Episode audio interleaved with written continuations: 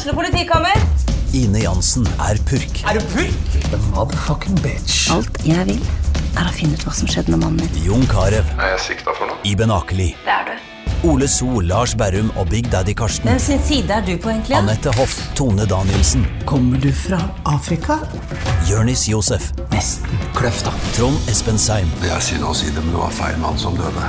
Purk. Premiere tirsdag på TV2 Play.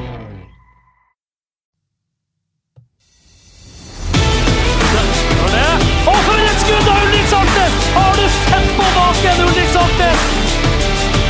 Da ser det skåring, og så skårer Bodø-Glimt!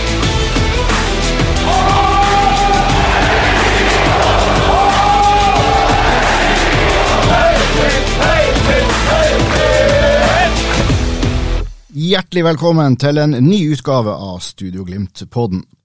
Dagens programleder det er Børre Arntzen, og jeg har med meg, hadde jeg nær sagt som vanlig, Glimt-eksperten over alle, Freddy Thoresen. Velkommen, Freddy. Takk skal du ha, Børre. I dag, torsdag 30. mars, har vi i utgangspunktet to ting på menyen. Vi skal først snakke litt om VAR, som jo alle vet kommer til en eliteseriekamp nær deg fra og med andre påskedag. Og vi skal snakke om Glimtsdalen 2023, sånn som den ser ut akkurat nå. Er du oppvarma og klar, Freddy? Jeg er klar. Da ser det skåring, og så skårer Bodø-Glimt! Vi starter med innføringa av VAR, altså videoassistert dømming. Eh, Det innføres da i Eliteserien i år. Og jeg føler på meg, eller noe sier meg, at dette er ikke noe du er så veldig begeistra for. Nei, jeg er i utgangspunktet eh, litt sånn småskeptisk. Um, jeg vet egentlig Ja, ja, jeg vet hvorfor. Det som gjør meg skeptisk, blant annet Jeg får stadig sånne påminnelser når det er et fotball-VM, eller det er flere Champions League-kamper. Hvis man ser litt Premier League, eller hvis man ser litt i Frankrike og Tyskland. Det er på en måte litt sånn Det virker på meg som det er litt sånn forskjellig praksis. Jeg sliter med å finne praksis for VAR. Det som eh, det som er udiskutabelt, er jo hvis ballen er inne eller ikke. Hvis ballen er inne eller ikke, det, der er jo VAR ganske fiffig og konkret og, og veldig lett å forstå for meg som utenforstående. Det er vel egentlig en annen teknologi? Det er Ja vel da, goal, goal line technology, ikke sant? Um, Den funka, det er vi enige om. ja, jeg syns det. Om ballen er inne eller ikke, det, det får man i grunn gode svar på. Så er det blitt visse forbedringer med offside-avgjørelser. Men hvis en offside-avgjørelse skal avgjøres med en centimeter hit eller dit, så syns jeg det er imot eh, fotballens natur og instinkt, og ikke minst det med følelser og fanteri. Men det, for å ta Norge-Spania, eh, så er det ting som tyder på at Norge fort kunne ha fått et straffespark på stillinga 0-1, eller 1-0 til hjemmelaget Spania, den kvalikkampen der. Eh, dommeren eh, dømmer ikke straffe, og VAR vurderer situasjonen i bussen, og dommeren blir ikke kontakta, osv., osv. Men så registrerer jeg at veldig, veldig, veldig veldig mange eksperter, også eksperter uten norske øyne, eller norske farger eller briller, eller hva det måtte være, stiller seg undrende til at det ikke ble straffe. Og så var jeg og så på eh, Kasakhstan-Danmark, og det kommer en corner inn detter over hodet på en kasakhstaner, går i ryggen på en dansk spiller og går ut av feltet. Og så går det tre-fire sekunder, så peker dommeren på straffemerket. Dommeren bruker lang tid, sånn og sånn, og du ser jo i, i, i reprisen at faktisk ballen treffer den danske spilleren. Kommer, altså Det er en halvmeter mellom ukraineren og dansken. Går rett over hodet på. Kasakhstaneren, ja. Går rett over hodet på kasakhstaneren, i skuldra her på dansken og ut. Og det blir straffe. Eh, det, det var ikke TV-bilder, ingenting. Bare dommeren peker på straffemerket. Og for meg blir det litt for sånn der tilfeldig. Burde man gått inn og sett, og at publikum på en måte får Vi TV-publikum, det er det er én ting er folk som går på kamp og betaler penger for å komme inn, men det er jo ingen tvil om at det som finansierer hele moroa i eh, storbedrifter, AS Fotball, ikke sant, det er TV-penger. Det er der millionene blir til milliarder, osv., osv., osv. Så TV-publikummet, sultefòra på fotball, da er det viktig, hvis du har VAR, at også publikummet som ser på, skjønner til en viss grad logikken bak de avgjørelsene som tas. Og jeg følger med ganske mye. Og jeg blir mer og mer forvirra av VAR jo mer jeg ser det utøvd i praksis. Og da tenker jeg, i mitt stille lille sinn, en viss skepsis til norske eksperter, norske dommere osv. osv. når dette skal innføres med en liten vinter å øve på, eh, så tror jeg det kan bli Nå skal ikke jeg stigmatisere dommere og, og, og, de som holder på med VAR i Norge, men jeg, jeg er skeptisk på at dette kommer til å bli eh, en voldsom suksess. Jeg tror skåringer som skal være skåring, og straffe som burde være straffe, kommer til å bli dømt, og det er bra. Men så er det disse gråsonene som jeg føler er ganske store. Mye større enn jeg mm. føler som godt er. Der tror jeg det kan bli mye rart, altså. Nå har jo dommersjefen uh, gått ut i, via NTB i dag og sagt at uh, vi som skal jobbe med det her som dommere i varerommet i Norge, vi kommer til å trenge en opptil ti serierunder før vi har funnet, funnet formen skikkelig. Og smak litt på den uh, Det er ganske smak, mange poeng som deles ut. Nei, men smak, smak, smak, litt på den, uh, Børre. Jeg syns det er forståelig og logisk. Men man skal i den øverste ligaen i Norge, hvor det er en del gode lag som skal spille. Altså Hvert av lagene i Norge skal kjempe om 30 poeng hver i løpet av de ti første serierundene. Og da skal VAR brukes som en slags prøving og feiling og forskning og tjo og hei. Ja, jeg håper de finner formen i løpet av ti kamper.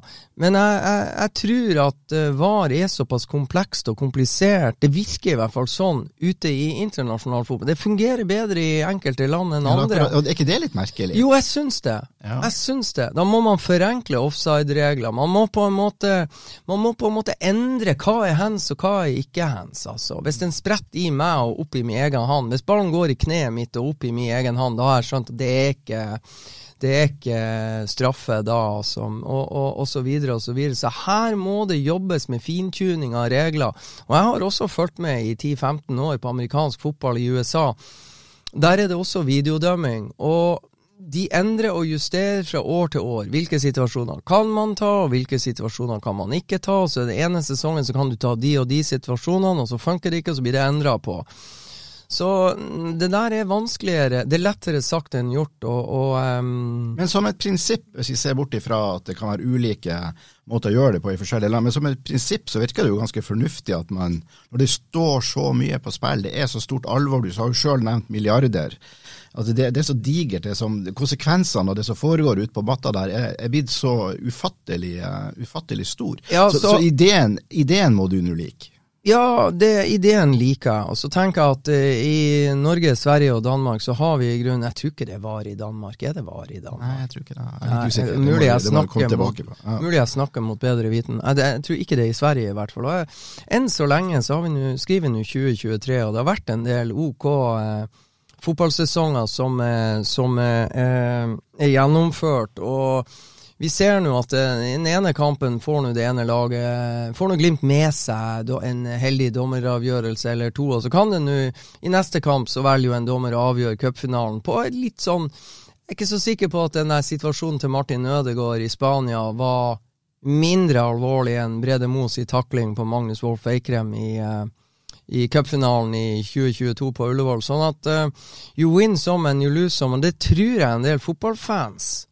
Er klar over. Så du mener det er en del av sjarmen og en del ja, av fotballens natur? At det skal være litt muligheter for akkurat de tingene der? For norske fotballsupportere som heier på et norsk lag, så har det i grunnen vært en del av eh, deres eh, supporterliv fra nå Eller fra de begynte å, å, å gå på fotballkamp i Norge til 2023-sesongen.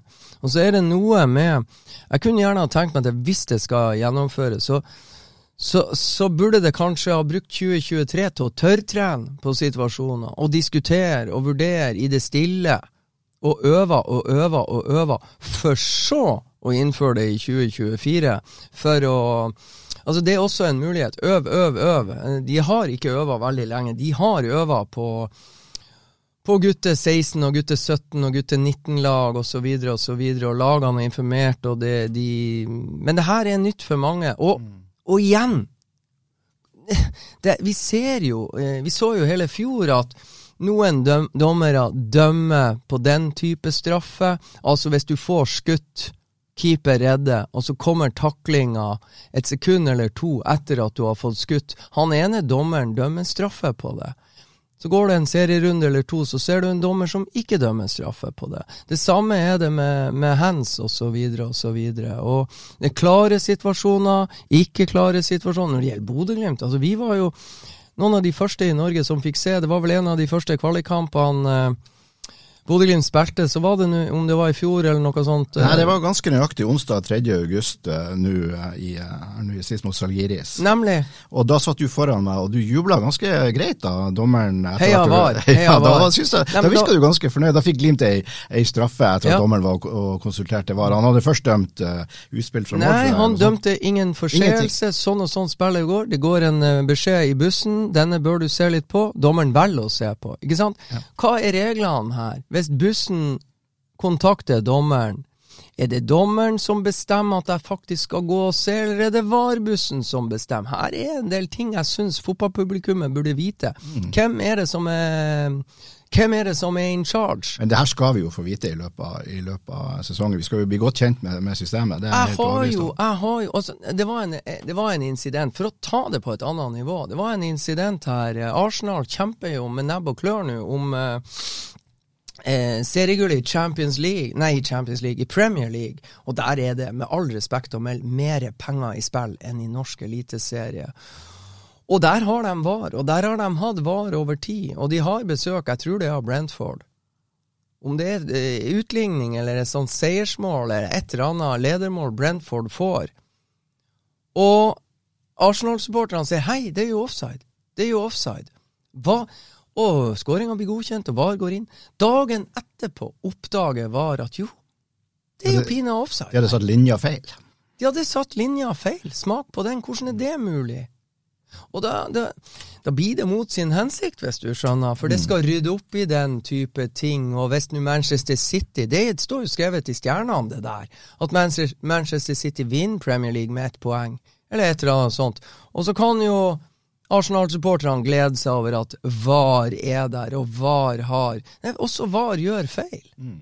Og da, da, blir jeg litt sånn der eh, Skal vi ikke bare ha det sånn som vi har hatt det i Norge? Men ha det sånn som vi hadde. Vi har, det er ikke få ganger vi har sittet både i studio her og ellers og, og vært hoderystende til eh, hvordan dommerne har, eh, har, håndtert kamper. Og, altså, jeg vil jo tro at en del av de her eh, mest hissige diskusjoner vi har hatt på dommere, kan komme til å forsvinne fordi at de Ja, vet du hva jeg tror? Jeg tror bare vi kommer til å diskutere andre typer situasjoner. Mm. Hvorfor brukte de så lang tid på den avgjørelsen? Mm. Hvorfor valgte de å se på den og ikke den? Jeg tror vi vil diskutere like mye, men helt andre typer situasjoner og helt andre typer diskusjoner. Det tror jeg, for det er mitt inntrykk. Jeg syns jeg ser fotball Jeg ser ganske mye fotball, dessverre. Jeg gjør det. Og det er ikke slutt på Altså, det diskuteres mye var. En tysk kamp, en italiensk kamp, en eh, spansk kamp, en engelsk kamp, landskamp, ved, Det diskuteres, selv om det er innført. Og det, sku, sku, det er jo innført for å skulle være idiotsikkert. Nei, det er innført for at det skal hjelpe dommerne til å ta rette avgjørelser. Det er ja. jo det som er hele poenget. Og, og mange vil hevde at, at VAR har faktisk hjulpet i en del, i en del situasjoner. Men ja.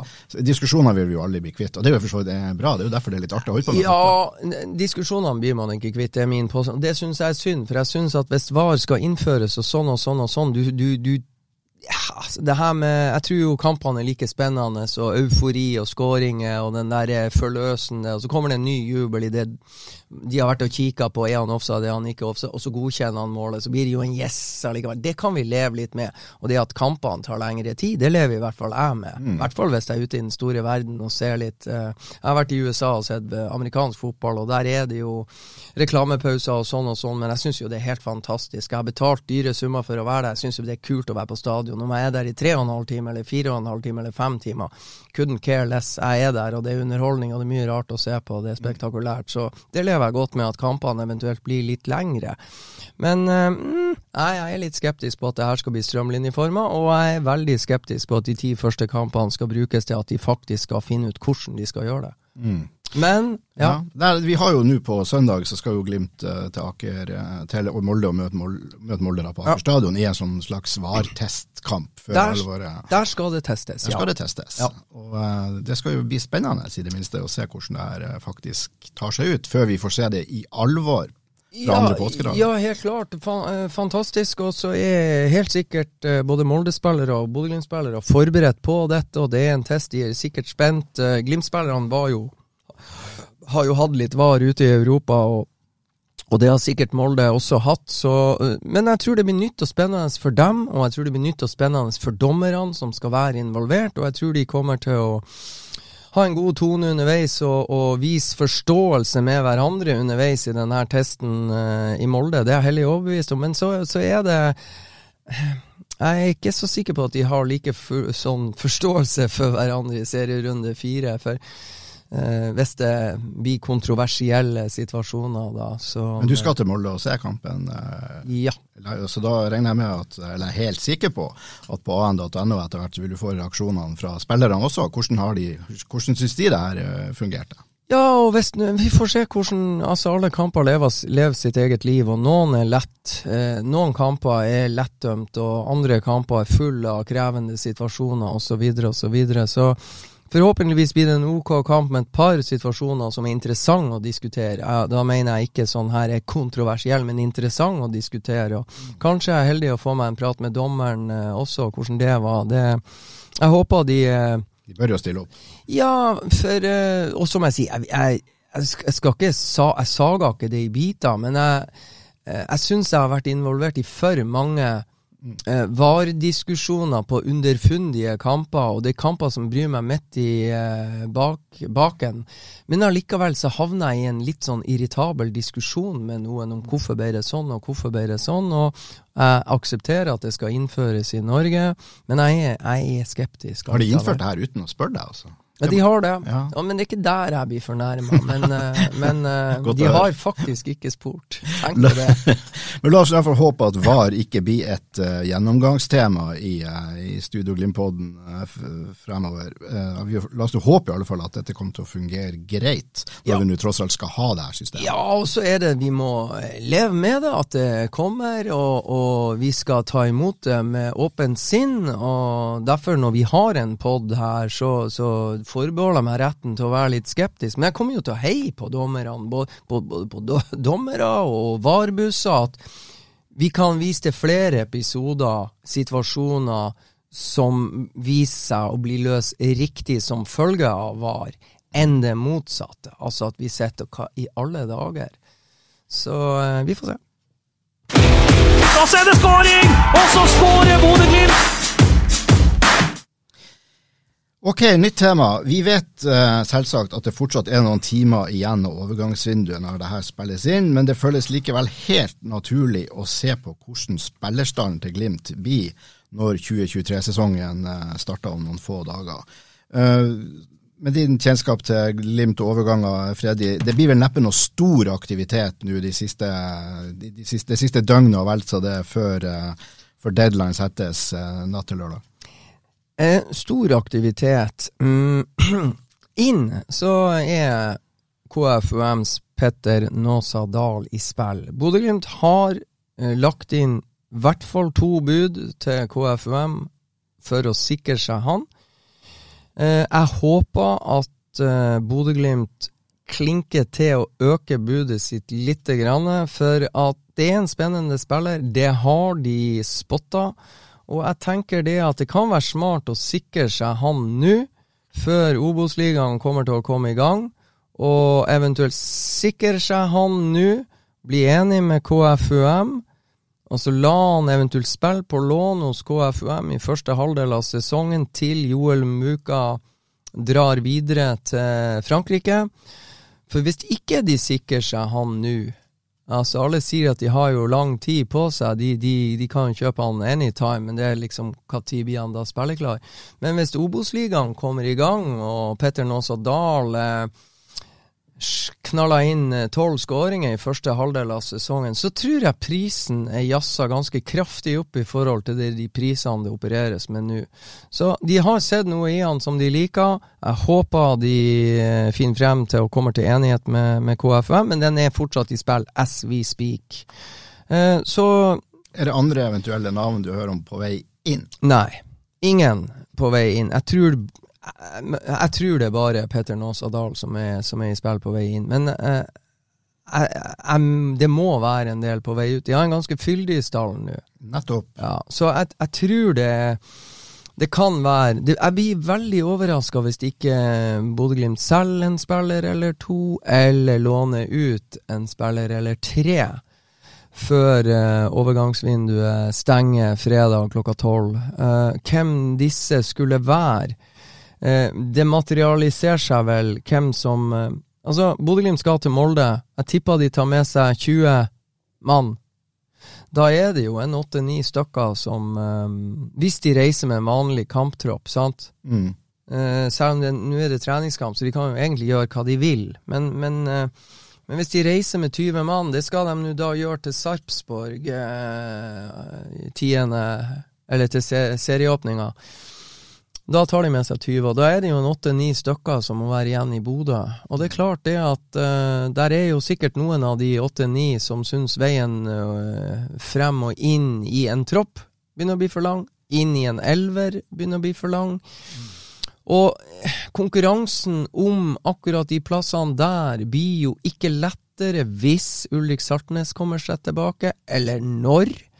Sondre Brunstad Fet er jo på full fart tilbake. Jeg har jo en mistanke om at han kan fort være aktuell til en tropp uh, mot Sarpsborg. Yes, eh, ja, han kan det, altså. Og så har vi Omar El Abdelaue, eh, som kanskje om en måned eller to eh, er aktuell for en tropp. Så her er, en del skada spillere ute nå, og, og, når de etter hvert som sagt kommer tilbake, så blir jo ikke denne veien inn i tropp lettere. Og heller ikke inn i en elver. Og heller ikke eh, inn blant de som eventuelt får eh, innhopp. Mm. Så eh, Sigurd Kvile er et navn uh, som har jo vært og Han var en det er, jo, det er ikke for å name-droppe Sigurd, men han vet jo at han sjøl har vært en liten tur uh, i, i, Halmstad i Sverige. Han har vært og sett på forholdene i Sandefjord. Det går bedre med hans kne. Uh, han trener for fullt. Okay. Ja, har gjort det siste som jeg har fulgt med. Jeg prater med han, han, han, føler han har kontroll. Så det er klart at en klubb som eventuelt eh, velger å sikre seg Sigurd Kvile nå, så, så, får det en ganske bra stopper om to til tre uker. Eh, og, eh, så det er jo en spiller jeg vil tro kan være eh, sånn som søker litt andre utfordringer, enten ved salg eller et lån, det vet jeg ikke. Eh, for å nevne én. Så har vi noen unggutter, Mats Pedersen. Eh, skal han lånes ut til en Obos-klubb? Er det en Obos-klubb som er klar over at han er god? Han er jo heldigvis ung, så han kan sikkert lånes ut på et senere tidspunkt. Mm. Eh, Ask Kjæransen Skau eh, har da vært eh, Ja, Bodø-Glimt avslo et ganske heftig bud fra Ålesund tidligere i vinter. Han har vært eh, operert i kneet. Det går fremover, det går bra. Eh, så hvordan er hans situasjon? Hvor langt unna er Gaute Vetti? Eh, kan Glimt å låne ut Ask? Eh, Gaute tar opp kampen mot Patrick, altså, eller skal være backup. Så det, men jeg tror, jeg tror noen kommer til å forsvinne før vi setter strek fredag kveld. Hvis vi ser på stallen sånn som den fremstår akkurat nå på, sånn offisielt da, på Glimt sine hjemmesider, mm så har de jo 32 eh, spillere. og Da har vi med fire keepere. Men hvis vi holder unna de, så er det da 30 eh, spillere igjen. Vi har ti forsvar, ti på midtbanen og åtte angrepsspillere. Ja. Det er, jo en, eh, det er jo litt mange, da. ja, det er mange. Ja. Det er, altså Du kan si det, og det er plusser og minuser her. Det er De har dobbeltdekning på de fleste plassene. Det er positivt. Og, og Glimt har ambisjoner om å, å spille mange kamper. Uh, Kjetil Knutsen og hans trenerteam er jo nødt til å rullere mer enn uh, det som har vært vanlig. Og jo flere kamper de får, jo lettere blir det å rullere. Nå hadde de jo tatt høyde for at de skulle slå Lech og få to kamper til, para inn mot et par cupkamper. Men så ble de slått ut, så de gikk glipp av to kamper mot Djurgården. Så ikke sant? To kamper færre enn de kanskje hadde håpa på. Og da begynner det å Og de har jo ikke rullert så mye som kanskje fansen hadde håpa. Jeg vet jo at det er sett mange som ville ha sett Odin Bjørtuft mer fra start. Eh, Isak Amundsen mer fra start. De har jo ikke fått det, da. Sant? Um, så det gjenstår jo å se etter hvert som, som de kommer i gang. Men, men, det er klart, når du har 20 stykker som, eh, som, er med i en tropp, og en fyldig og en, en, meget sterk, konkurransedyktig tropp. ikke sant? Du har spillere på benken som dytter de som får lov å starte på hælene. Det, det, er ikke så veldig mange som skal føle seg trygge i det her. Det er mange som vil inn i elveren. Og, men det er klart, blant 22. mann og 23. mann og 24. mann, så kan det med så mange blir litt sånn her vanskelig å tilfredsstille begjærene deres mm. når du ikke får være med på tur og veien frem synes lang. Så noen kan etter hvert begynne å bli litt muggen. Og det er greit at de har godt utbytte av å, å overleve på trening, og at de blir dyktige. De er i treningsregimet som er bra og utviklende. Men jo lengre tid det tar før de får vise seg frem, før de får utøve sin profesjon i praksis, i kamp, ikke sant? Jo mer muggen blir de. Og spillere er forskjellige. Noen er tålmodige og har tid. Andre er mer sånn uh, utålmodige og vil inn fortest mulig. Og som jeg sier, uh, med Sondre Brunstad Fet tilbake, så uh, spisses konkurransen. Og når Ulrik Saltnes en vakker dag kommer tilbake, så blir det enda skarpere konkurranse i midtbaneleddet, ikke sant? Mm. For uh, Ulrik har lyst til å dytte på Albert Grønbæk, og Sondre Brunstad Fet har lyst til å kakke Hugo Vetlesen på hælene. Og uh, Fredrik Sjøvold syns jo det artigste han gjør, det er å spille indreløpet på trening. For hvem er det han matcher seg mot på trening ofte? Jo, det er jo Hugo Vetlesen. Det er jo et steike bra referansepunkt. Han lærer og lærer å plage Hugo, og blir sjøl en bedre spiller. Så Men uh, Og det her, det er en ny hverdag for trenerne og det er en ny hverdag for spillerne i Bodø-Glimt at det er så mange om beinet. At det er så mange som har lyst å spille. Men tror vi at eh, et par-tre, kaller for litt mugne spillere, altså spillere som egentlig er litt misfornøyd med situasjonen, kan få veldig store negative konsekvenser for hele gruppa? Ja, det er jo akkurat det som, det er, det som er det ukjente farvannet for eh, Bodø-Glimt-familien nå at det kan, det kan i, i, kraft av at man har så mange spillere under kontrakt som man har, så kan det oppstå ting som, eh, som man ikke har opplevd før. Man har jo opplevd eh, altså, lignende situasjoner. Sant? Elias Hagen var ikke superhappy, og det utstrålte han jo tydelig etter at Glimt henta Patrick hjem. Så er det jo én spiller som ikke utstråler glød og glede, akkurat. Men fikk det noen konsekvenser Nei, i gruppa, tror du? Det, løs, det, det løses jo ganske greit. Mm.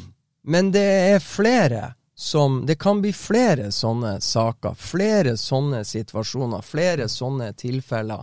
Og det har ikke Glimt stått i, så det må de være forberedt på. Jeg tipper de har prata om det. Jeg tror spillerne har rukket å tenke dette.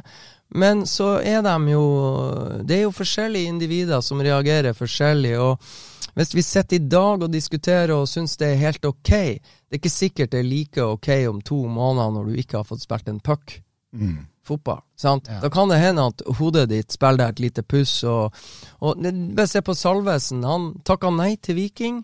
Han ville gi det et forsøk. Han fikk ikke spille en skit eh, fra i de treningskampene i Spania, og, og, han fikk ikke vist noen ting som helst. Han var tydelig et fjerdevalg bak Faris Pemi, Runar Espejord og Lasse Nordås. Han tok konsekvensen av det og var villig til å gå til Viking en måned, halvannen etter at han først takka nei. Mm. Så ting endrer seg. Ja. Også mentalt hos spillerne. Nei, men jeg gjorde et forsøk, det var her jeg hadde lyst til å slå igjennom. Jeg får ikke muligheten her. Jeg må tenke annerledes. Mm. Og, og, så fort kan det på en måte snu. Mm. Og, og, også en, en blid og fornøyd og fornuftig spiller kan på en måte være blid og fornøyd og fornuftig nå, og så om en og en halv måned så er han litt mer muggen. Og det, det sånn, Ta et lite eksempel. altså Glimt hadde en uh, altså, jeg, altså, jeg tar et eksempel med serbiske Soran Popovic, som i 2018 var keeper på Aspmyra. Alt var såre vel. Han trivdes steike godt, og Glimt har gjort ei smart signering. Han var superhappy helt til det kom et tilbud fra Røde Stjerne. Og det tilbudet kom jo over natta. Og det er klart, det sjarmtrollet som frem til da hadde vært på Aspmyra, i det øyeblikket tilbudet fra Røde Stjerne kom, da framsto ikke serbiske Soran Popovic som det sjarmtrollet han fram til da hadde framstått som. Da var han bare keen på én ting, og det var å komme seg vekk. Altså, ver verste plassen i verden. Jeg trives ikke, familien trives ikke, jeg må bort. Mm. Sant? Helt nye toner, helt annet press, osv., osv., osv. Og det, det skjer, sant. Eh, og det var, ikke, det var, ikke, for å henge ut eh, Jeg syns det er ganske interessant, det her lynnet til en serber, lynner til en senegaleser. Vi hadde tre senegalesere i Bodø-Glimt en periode. Vieux Sané, Badou og så han kantspilleren som havna i Fredrikstad, som jeg ikke husker navnet på. Men det er tre vidt forskjellige typer. De har forskjellig personlighet og kommer fra forskjellige kulturer osv. osv. Det er veldig interessant å lære seg de her kulturene. Og en klubb som Bodø-Glimt må ikke bli overraska at en fra Serbia endrer seg. Det er noe de egentlig skal vite i forkant, for sånn er det. Mm. Men tilbake til stallen. Ja.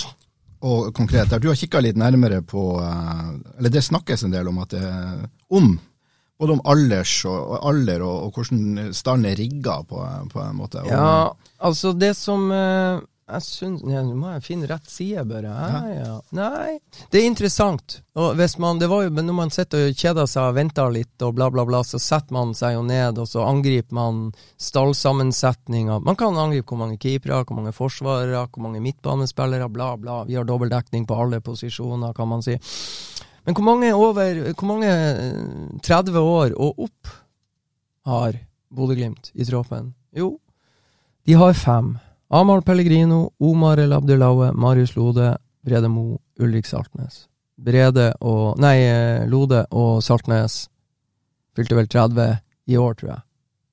Så de er fem stykker som er 30 år eller mer, og eldste er Amahl Pellegrino på 32. Saltnes fylte 30 i, uh, i november i fjor, og, ja, okay. og, og Lode nå i, i mars. Nettopp fylt. Nemlig. Nei, fem stykk. Jeg syns det er greit. Rutine, erfaring, ikke sant? Sånn og sånn. Ja. Det er kanskje litt færre enn folk trodde på forhånd? ja, kanskje, ja. kanskje. Men, eh, men, det er altså fem. Og så har vi da um, de her eh, solide i alderen 25 til 30. Altså de som begynner å få litt erfaring og har mange kamper under beltet, mange skåringer under beltet, mange gode prestasjoner under beltet, nøkkelspillere typisk. Der har Bodø-Glimt syv. Nikita Aikines 27. Bris Wembangomo. Patrick Berg. Sondre Brunstad Fet. Morten Ågnes Konradsen. Sondre Sørli og Runar Espejord. Og jeg har jo egentlig ikke tenkt over at Nikita Haiken bare er 27 år. Det er ikke rare alderen for en, for en, keeper. Nei, altså, han kan jo fort slå ut i full blomst uh, i en alder av 30, og kan egentlig spille til han er 37-38 år. Um, jeg trodde jo kanskje han skulle havne i Celtic uh, da han forlot Bodø-Glimt, og de har nå vel en keeper som har stått på det engelske landslaget, som begynner å bli godt opp i årene. Han er førstekeeper fortsatt. Hva han mm. heter Førstekeeperen til Celtic. Det var han som var i City. Du setter meg fast ja, ja. ja, ja, det var han som var i City. Jeg setter jo deg fast, for jeg kom ikke på noe. Oh, okay, okay. Vi får, uh, så det var ikke Det var bare Skulle overføre min egen udugelighet over til deg. Bare, og det er gjort. Det er gjort. Det er gjort. vi kommer sikkert på det. Når vi... Nei, men en annen ting. Julian Faye Lund. Mm. Han er 23. Ja. Det er jo bare en unggutt. Tror hvor god han er når han er 25. Hvis han uh, får en og annen kamp å vise seg frem på. Mm. Hmm. Du, hvor god han er når han er 27.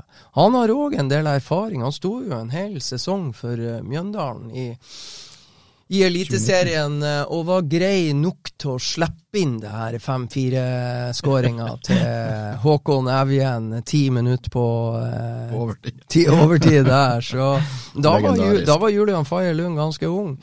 Uh, så Skal vi se, jeg må bla igjen. Jeg har der, ja.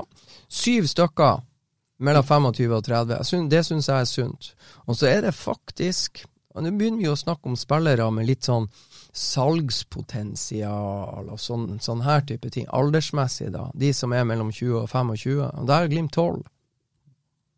Og det er jo en av grunnene ikke sant, at prisen blir så høy på Joel Muka, for han er så ung, og eh, Loriant har sett et eller annet at hvis denne gutten gjør sånn og sånn og knekker de og de kodene, så blir summene sånn og sånn, og det er jo 60-70 millioner allerede Sant? Så i, i alderen 20-25 så, så har Glimt 12, og det er Odin eh, Bjørtuft, det er Faye Lund, Adam Sørensen, Bjørkan, Fredrik André. Gaute Vetti, Ask Kjæransen Skau, Hugo Vetlesen, Albert Grønbæk, Nino Sugel, Joel Mbuka, Faris Pemi og Lasse Nordås. Tolv stykker. Syns det høres sunt ut. Der er en del ungdommelig pågangsmot. og ikke sant, Sørensen 22, Grønbæk 21. Det, det her er spillere som kan ta steg og bli gode, altså. Og så er det seks stykker spennende under 20, da. Lukas Kuber, Jeppe Kjær, Fredrik Sjøvold, Mats Pedersen. Og så de to keeperne. Magnus Brøndbo og Isak Aron Schjong.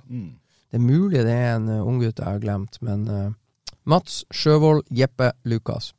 Det kan hende at han jeg tenkte på, uh, Petter Nåsa Dahl, som fortsatt ikke er done deal. Men han er 19, mener jeg. Snittalderen, da, på, når du tar med alle de 32 spillerne som, som er på Glimt si, så er Glimtsdalen akkurat nå, da ikke da han du nevnte sist her fra KFM, men snittalderen her blir jo da eh, litt i underkant av 24 år. Ja. Det syns jeg høres ganske greit ut. Ja, det, jeg syns det høres fornuftig ut på alle mulige måter. Altså, jeg var ikke klar over det her før jeg satte meg ned og kikka litt på det der i går, og jeg ble på en måte positivt overraska over dynamikken og balansen i akkurat det der med alderssammensetning. Og hvis du parer det opp med ei anna utfordring For ikke sant, det er skummelt å ha for mange eldre spillere. Det er skummelt å ha for mange unge spillere, fordi de varierer litt i prestasjonene osv. osv. fra kamp til kamp. Det er liksom en sånn klassiker blant de unge. Og så hi hi historisk sett så er det jo en del spillere òg som som blomstrer på forskjellige tidspunkt. ikke sant? Uh, Ulrik Saltnes hadde eh, slo igjennom med bravur i Eliteserien som 26-åring. 26-27-ish i 2019, ikke sant. Han var god i 2018, men han var ikke outstanding som han var i 2019, før han var 26-27 år. Runar Berg, det har jeg sagt før, han var 2-23 år. Tom Kåre Størvik, 2-23 år. Når de slo igjennom i elit, på eliteserienivå i 1993. Så ikke sant, det, det, det er interessant, og, og sånn sett så syns jeg stallen til Glimt ser godt rigga ut. Og så skal vi ta en annen øvelse. Hvor lang kon kontraktsvarigheten her? Det er jo veldig spennende. Så også når kontraktene går ut. Ja, nemlig. Når kontraktene? 2025. De som har kontrakt til 2025. Sondre Brunstad Fet. Hugo Vetlesen. Joel Mvuka, han er jo da solgt. Gaute Vetti. Fredrik Sjøvold. Nino Sugelje, Isak Helstad Amundsen, Marius Lode, Faris Pemi. Mm. Det er en del gode spillere. Ja. Og nå var det på, på den lista her, med kontrakter ute der, så sto også eh, Lars Jørgen Salvesen og Elias Hagen, og de er allerede solgt. Men ikke sant? Er det noen som har, eh, som har kontraktutgang i 2023? Eh, jeg tror Altså, som har eh, Skal vi se 2023, ja. Ulrik Saltnes har forlenga. Marius Høybråten er solgt. Victor Boniface ble solgt. Joshua Smiths ble solgt. Sondre Brunstad Fet har forlenga. Isak Amundsen har forlenga.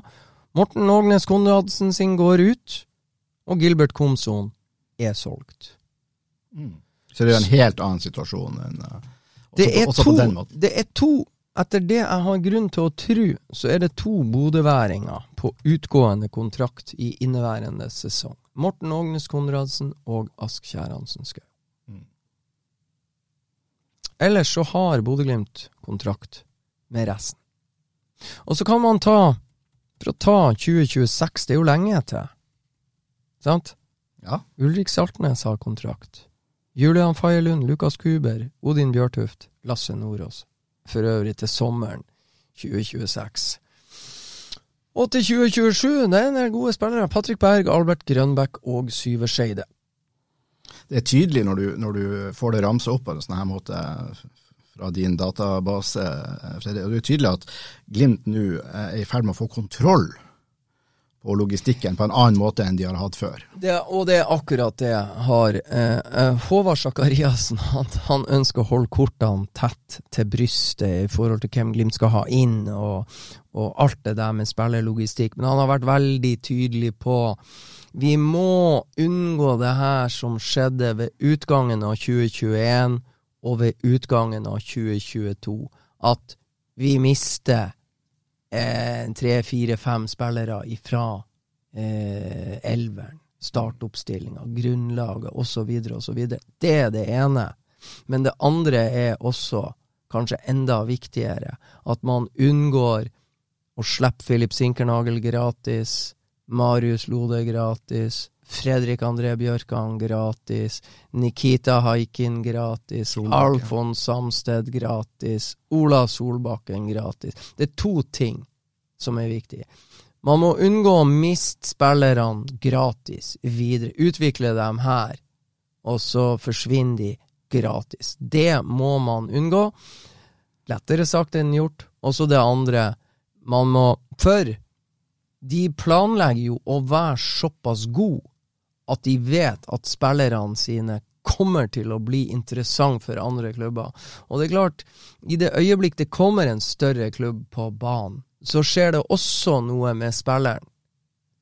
Men det fine da, hvis Og det er, det, det er, jo derfor de solgte Patrick Berg. Han ville jo til lands. De fikk godt betalt. Joel Mvuka han har vel ikke tenkt, rukket å tenke så mye på drømmer om utlandet før tilbudet fra Loriant dukker opp. Men det er klart det skjer noe i hodet til Joel Muka også, når dette tilbudet kommer.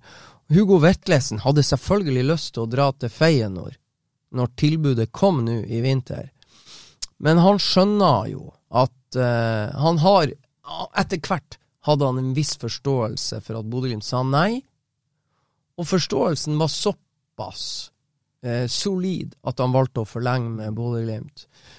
Men eh, i det så tenker jeg jo at eh, siste bud er ikke kommet på Hugo Vetlesen, så både Bodø-Glimt og fansen og alle må jo være forberedt på at det kan være lurt å bare nyte de kampene dere får se Hugo Vetlesen. Og jo bedre han spiller, jo større er sjansen for at budet kommer ved neste korsvei enn at han fullfører sesongen 2023. Eh, du, du nevnte Håvard Sakariassen, og jeg vil bare ha det on the record at han har allerede lovt at han skulle stille opp i en Studio Glimt-pod rett etter påske, så uh, han vil neppe prate noe mer detaljert om, om, konkrete enkeltoverganger. Men vi kan jo stille han en del spørsmål rundt det prinsipielle og rundt uh, måten de jobber på, uten at man nevner navn. Og det er uhyre spennende, og Håvard kommer garantert til å nevne navn og eksempler som vi kjenner igjen, men måten de jobber på nå, og, og, og, på en måte med å bygge Nå har de jo ikke sant 30 spillere, de har en større stall enn de ever har hatt. Det gir dem læring hver dag på hvordan de skal håndtere det. Han kan helt sikkert si noe om utfordringen de forventer, osv., osv. Han kan helt sikkert si noe om hvorfor det er viktig å ha dobbeltdekning på alle plasser, og noe vi har vært innom før, fleksibilitet i stallen, osv., osv.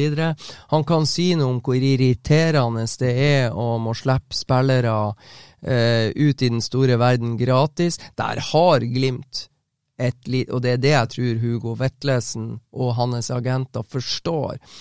At en klubb som henter en spiller gratis som bossmannsspiller Det er klart, en klubb som betaler 40 millioner eller 50 millioner for en spiller, er villig til å gi den spilleren noe mer tid og tilpasnings eh, og til å tilpasse seg i sine nye omgivelser, fordi at de har investert mm. såpass mye.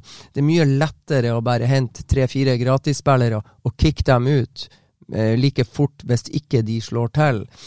Så det her er sånne ting som de prater om kontinuerlig. Og en annen ting som han garantert kommer til å fortelle deg sikkert litt om hvis vi spør, det er liksom hvordan scouter dem, og hvor mye bedre er de på scouting? Hva tilfører Anders Konradsen? Hvem er det som ser på kamper? Hvor mange kamper ser dere på? Når oppdaga dere Peter Nåsa Dahl? Hvor mange ganger har dere sett han live? Og så videre, og så videre. Nei. Som dere skjønner, folkens, det er mange gode grunner til å følge med på Studio Glimt-podden eh, fremover. Eh, det var det vi hadde i denne utgaven, Freddy, hvis ikke du har noe helt spesielt på slutten?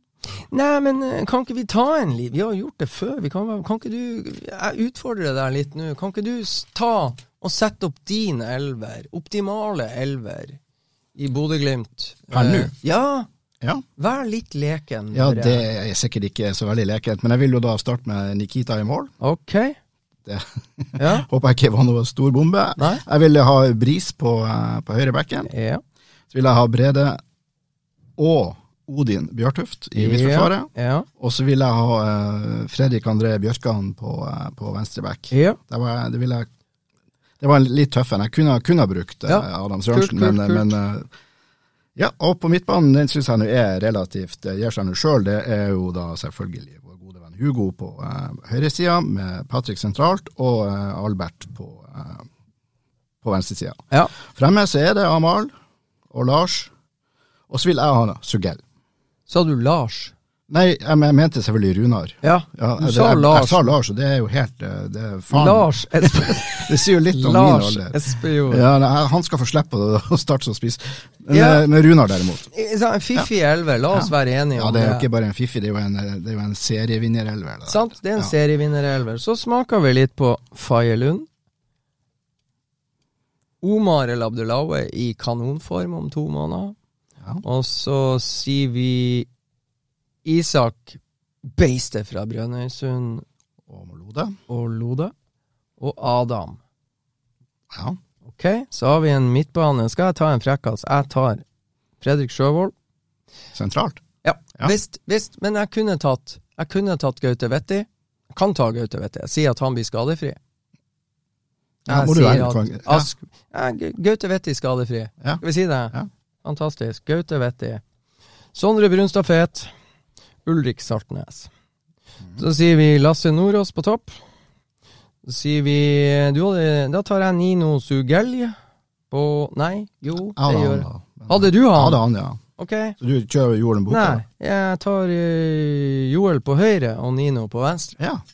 Da har jo du et lag som kan bli nummer to i serien. Ja, det er akkurat det som eh, Nei, men sant, det er ingen av dine valg. Du har din optimale elver, og når jeg da tar ut Faye Lund i mål, Omar El Abdelaue, Isak Amundsen, Marius Lode, Adam Sørensen, Gaute Vetti sentralt, med Sondre Fet, Ulrik Saltnes ved sine sider, Lasse Nordås på topp, Nino Sugell på høyre, Joel Buka på venstre. Og det kan jeg bare si det, for å ta en av styrkene til Joel Muka Hvis han nu- Om han nå fortsatt sliter litt med det der sluttproduktet, det er vi jo enige om.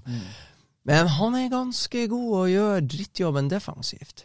Du verden det er en del ballvinninger og en del returløp som er kraftfull og eh, full av ungdommelig pågangsmot og entusiasme som kommer Glimt til gode. Men smak på de lagene der, du. Det er to gode lag, og det Ja. Jeg hadde bare lyst til å leke litt med det der. Det det, er jeg, alltid artig å leke litt med det der. Det, ja, men jeg syns det sier litt om konkurransen som er hver eneste dag på trening. Og det kommer til å bli enda bedre jo mer Sondre Brunstad Fete er med, og Ulrik Saltnes etter hvert kommer inn. det Det, sier jo også veldig mye om den stallen vi har prata mye om i dag. Ja. Det er jo en fantastisk stall, Ja. rett og slett. også bli som du sjøl og som vi var inne på, dæsken, her er mange som skal holdes blid og fornøyd. Og de blir dem ikke bare med fete bonuser og god lønn, altså. De har lyst til å spille fotball, de her guttene. Det var det vi hadde i denne utgaven av Studio Glimt. Mandag 3. april klokka ti kommer neste utgave av podkasten vår ut der du liker å finne de podkastene du følger med på. Det er en slags spesialutgave hvor Bodø-Glimts daglige leder Frode Thomassen er på besøk hos oss. Takk Freddy, tusen takk til deg som hører på oss. Husk at det soleklart beste stedet å følge med på hva som skjer av nyheter når det gjelder Glimt, både sportslig og på andre måter, det er jo an.no. Ha det bra. Og for et skudd av Ulrik Saltnes! Har du sett på baken, Ulrik Saltnes? Da ser det skåring, og så skårer Bodø-Glimt.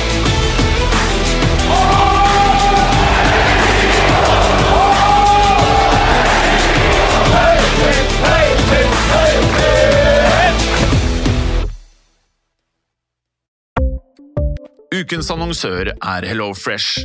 HelloFresh er verdens ledende matkasseleverandør og kan være redningen i en travel hverdag. Mange av oss har nok vandret i butikken både sultne og uten en plan for middagen, som ender med at vi går for de samme kjedelige rettene gang på gang. Middag burde være dagens høydepunkt. Som Hello Fresh kan du nå velge mellom 25 ulike retter hver eneste uke, eller få Hello Fresh til å sette sammen menyen for deg. Dette gir deg muligheten til å prøve nye og spennende retter alene eller sammen med familien. Du velger antall porsjoner og får alt levert på døren på et tidspunkt som passer for deg. Oppskriftene er enkle, og maten er lett å lage både for store og for små. Ved å få alt levert hjem får du også mer tid til å dele matgleden med familie og venner. Kanskje det frister med asiatiske tacos eller greskinspirert kylling? Da kan jeg anbefale deg om å gå inn på hellofresh.no. Her kan du bruke koden FOTBALL og få opptil 1779 kroner i rabatt på de første fem matkastene hvis du ikke har prøvd Hello Fresh tidligere. Du kan også bruke rabatten hvis du har vært kunde og stoppet abonnementet ditt for tolv måneder siden eller lengre. Gå inn på hellofresh.no og bruk koden FOTBALL. Har du et enkeltpersonforetak eller en liten bedrift? Da er du sikkert lei av å høre meg snakke om hvor enkelt det er med kvitteringer og bilag i fiken, så vi eh, gir oss her, vi. Fordi vi liker enkelt. Fiken superenkelt regnskap.